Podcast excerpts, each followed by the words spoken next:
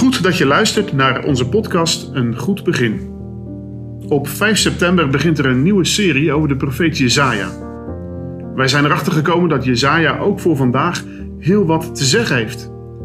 In deze trailer ga ik hierover in gesprek met Arjen Guis, de eindredacteur van DanielOnline.nu. Hij heeft deze serie ook voorbereid. Uh, Arjen, uh, ja, kun jij iets vertellen over wie Jezaja eigenlijk is? Ja, Jesaja is een bekende profeet uit het uh, Tweestammenrijk. Uh, heeft een grootste Bijbelboek geschreven van de profeten. Dus uh, mooi om daar eens met de podcast aandacht aan te besteden. Ja. Kun je iets vertellen over zijn afkomst? Ja, volgens de rabbijnse traditie zou zijn vader en broer of een oom zijn van koning Uzia. Dus dat veronderstelt koninklijke familie. Oké, dus een soort van koninklijke komaf. Ja. En je leest natuurlijk ook dat hij veel bij Hiskia over de vloer komt, om het maar even zo te zeggen. Dus hij wel vrije toegang had tot het koninklijke hof. Oké, ja. ja. Hey, in het Oude Testament hebben uh, namen ook heel vaak een betekenis. Um, heeft de naam van Jezaja ook een bepaalde betekenis? Ja, ik heb dat eventjes opgezocht. En Matthew Henry zegt daarover: de zaligheid van de Heer is de betekenis van de naam Jezaja. En Jezaja is getrouwd met een profetes en heeft ook twee kinderen gekregen. En ook daarvan lezen we twee namen die een profetische betekenis hebben. Oké. Ehm, kun jij iets zeggen over de, de tijd waarin Jezaja eigenlijk geprofiteerd heeft? Je zei net al uh, twee stammenrijk. Uh, maar kun je daar iets over zeggen? Ja, uh, Jezaja zelf zegt dat gelijk al in het eerste hoofdstuk. Dat hij profiteerde in de tijd van de koningen. Uzia, Jotam, Agas en Hiskia. Ja, dat zijn dus eigenlijk over een behoorlijke periode als het vier koningen zijn. Nou, regeerden ze niet allemaal even lang natuurlijk, maar... Nee, klopt. Maar je hebt het dan over ongeveer 750 tot 680 voor Christus. Okay. Dus dat is bij elkaar zo'n 70 jaar. Ja, dat is een behoorlijke tijd voor ja. de tijd van het Oude Testament, toch? Zeker, ja. zeker. Um, kun je nog iets meer vertellen over Jezaja? Weten wij hoe hij aan zijn einde is gekomen of hoe hij is overleden? Of, uh... Ja, dan zou ik de vijfde koning uh, kunnen noemen, Manasse, de zoon van Hiskia. Uh, we lezen in de profetieën van Jezaja niks over Manasse, maar vanuit de Joodse overlevering uh, is bekend of wordt verondersteld dat Jezaja marteldood is gestorven onder koning Manasse. Oké. Okay. En ook uh, de Hebreeënbrief, Hebreeën 11, 37, die lijkt daarop te wijzen. Ja. Is dat dat het gedeelte van ook in de galerij van de geloofsgetuigen, zeg maar? Ja waarin er ook nog staat die... Wat zal ik nog meer zeggen Precies. van de profeten die gestorven ja. zijn, die, uh, of zelfs uh, doorgezaagd zijn, ja. of allerlei de voorbeelden die daar genoemd okay. worden. Ja. Het was waarschijnlijk voor zijn bekering dan wel van Manasse dat dit gebeurde. Dat denk ik wel, ja. ja. ja. Hey, um, ja, Jezaja is eigenlijk best wel een bekende profeet. Tenminste, ja, daar wordt regelmatig um, uit, uh, uit gepreekt. Um, er zijn best wel wat bekende gedeelten uit Jezaja, toch? Zeker, zeker. Maar uh, dan denken we bijvoorbeeld aan Jezaja 5, uh, profetie over de wijngaard. Over Jezaja 6, zijn roeping. Jezaja 7, 9 en 11 over Emmanuel, over de profetie van kerst. Ja. En dan eigenlijk wordt het een heel stuk onbekend. Uh, want dan komen we pas in Jezaja 28 bij de gelijkenis van de akker. En 30 en 31 over het niet-vertrouwen op Egypte. En dan vanaf hoofdstuk 36 tot en met 39 over Hiskia. Dus ik, ik sloeg best wel een heel stuk over van Jezaja. Ja. ja, je sloeg een stuk van, van, van bekende profetie bedoel je? Ja. Ja. Want je hebt natuurlijk uiteindelijk heb je ook nog um, uh, de hele bekende profetieën uit Jezaja 40, Jezaja 53. Dat zijn ja, hele bekende hoofdstukken. Klopt, inderdaad. Uh, Jezaja 40 wat begint met troost, troost, mijn volk zal jullie de God zeggen. Dat ja. is heel erg bekend. Jezaja 53, 54 en 55. En bijvoorbeeld 65. Ja. Klopt, dat uh, zijn ook bekende gedeeltes. En uh, de hoofdstukken die ik oversloeg, die zijn veel minder bekend. En dat bevat veel profetieën over allerlei volken rondom Juda en Israël. Oké, okay. maar daar gaan wij in de, in de podcast in ieder geval wel op in. Zeker, ja. zeker. Hey, um, er wordt wel eens gezegd dat je de profeet Jezaja of het Bijbelboek Jezaja eigenlijk in twee gedeelten kunt, kunt verdelen. Um, ja, heb jij dat ontdekt? Of, um... Ja, in twee gedeelten of zelfs uh, drie gedeelten wordt ook wel gesteld. Uh, het eerste deel is uh, Jezaja 1 tot en met 39, waar we deze podcastserie bij stil willen staan. En volgend jaar hopen we bij het tweede gedeelte, of bij het tweede en derde gedeelte, zoals je wilt, stil te staan. Um, want 40 tot en met 55 en 56 tot en met 66, dat zou dan deel 2 en 3 of in zijn geheel deel 2 zijn. Oké, ja. ja.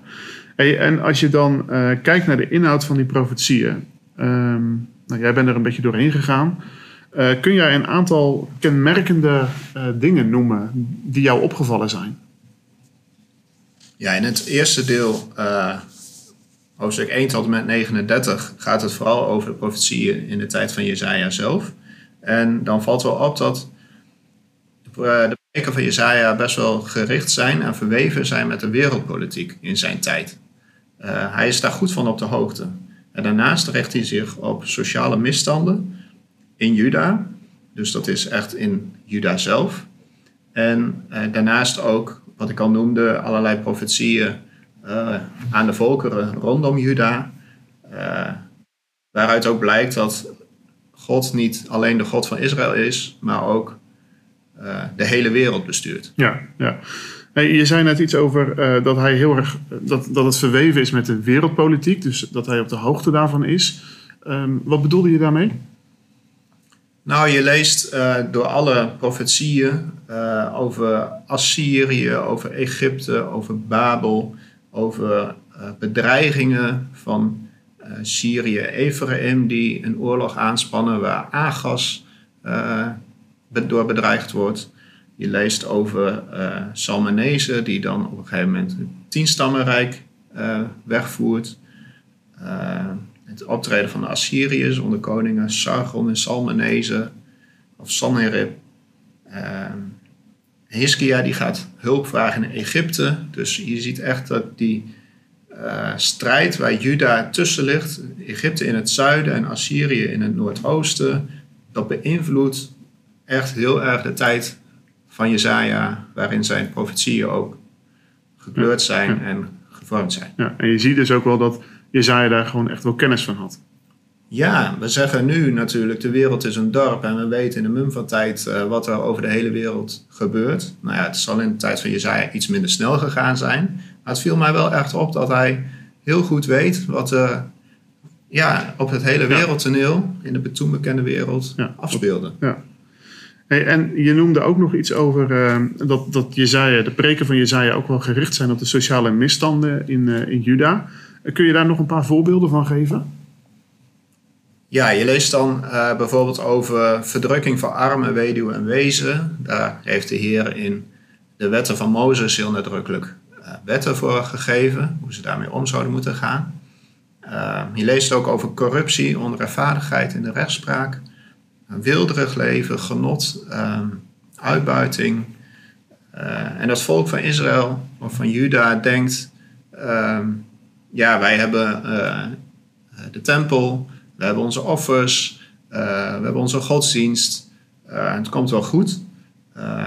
maar je leest dus in die profetieën van Jezaja, die brengt terug bij: ja, maar je moet je aan Gods wetten houden, je moet heilig naar Gods wet leven. En ja, die schijnbare uiterlijke vroomheid, daar kun je niet mee doen. Nee, nee. Je zegt iets over heiligheid. Ehm, is dat ook een centraal punt dan ook in, in, in de preken, zeg maar, uh, die Jezaja houdt? Ja, de heiligheid van God staat inderdaad uh, heel centraal in, het, uh, in de profetieën van Jezaja. Het valt op dat Jezaja 25 keer God de Heere, de Heilige Israëls noemt.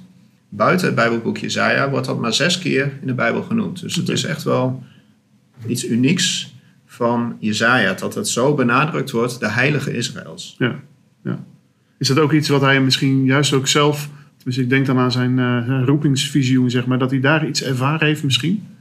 Jazeker. Uh, in hoofdstuk 6 lezen we over die roeping. Mhm. En daar maakt de Heer zich ook bekend als de Heilige. En dan lezen we over de engelen die al door roepen: Heilig, heilig, heilig is de Heer der Heerscharen. Dus uh, ja, Jezaja heeft het ook zelf echt ervaren, inderdaad, bij zijn roeping. Ja.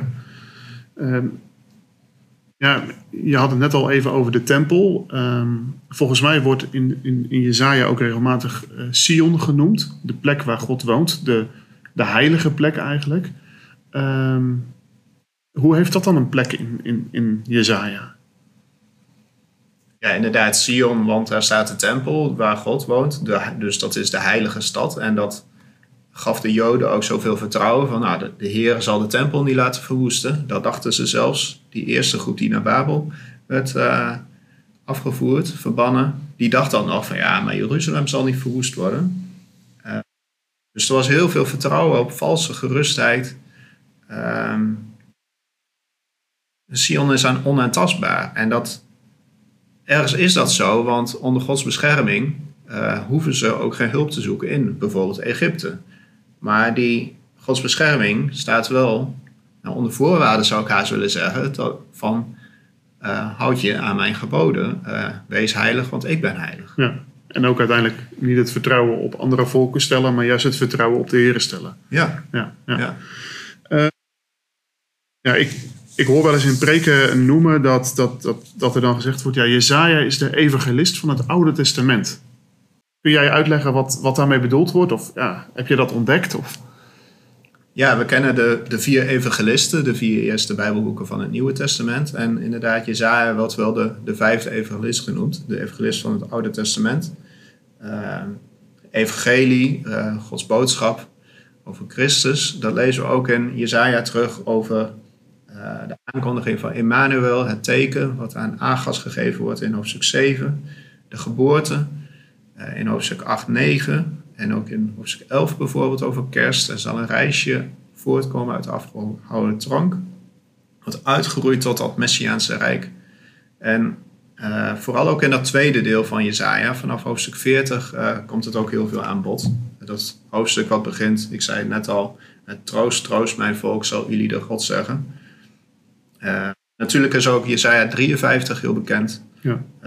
Maar dat staat volgend jaar in onze planning. Ja, het Leidensevangelie ja. en uh, Jesaja 53 natuurlijk. Ja. Hey, um, ja, jij bent er best wel actief doorheen gegaan, zeg maar. Of in ieder geval, je bent er goed mee bezig geweest. Um, je hebt erover nagedacht. Je hebt opvallende dingen eruit gehaald. Um, zijn er dingen die jou verder nog opgevallen zijn in, in Jezaja?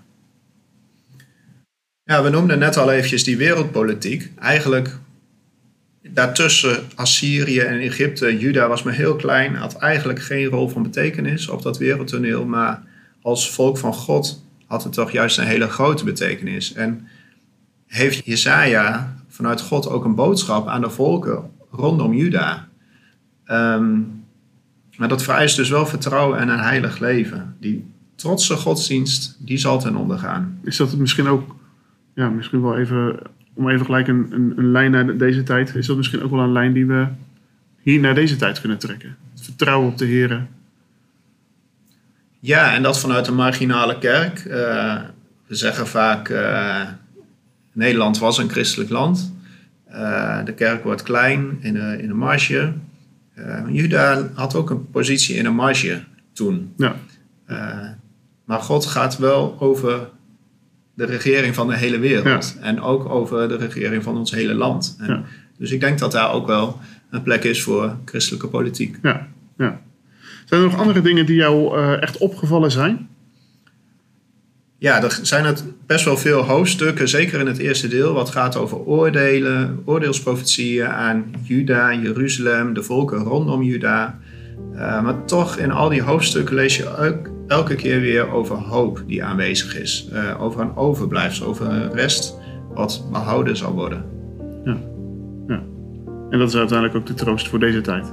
Ja, dat, uh... ja, ja, en die oordelen, die zijn ook niet met als doel om te verwoesten, maar om te reinigen, om te, die heiligheid weer ja. terug te krijgen. Ja. Heilig te leven voor God. Nou goed, Arjen, uh, dank je wel in ieder geval voor al het voorbereidende werk wat je hebt gedaan voor, uh, voor deze podcastserie. Ja, graag gedaan. Ik vond het mooi om te doen. Uh, je leert er weer ontzettend veel van, zo over Jesaja. En ik hoop dat we in deze serie daar nog een hele hoop van bij gaan leren. En dat het elke dag weer een mooie podcast oplevert. Dat hoop ik ook. En ik zou zeggen, abonneer je alvast op onze podcast en luister vanaf maandag 5 september mee met de podcast Een Goed Begin over Jezaja.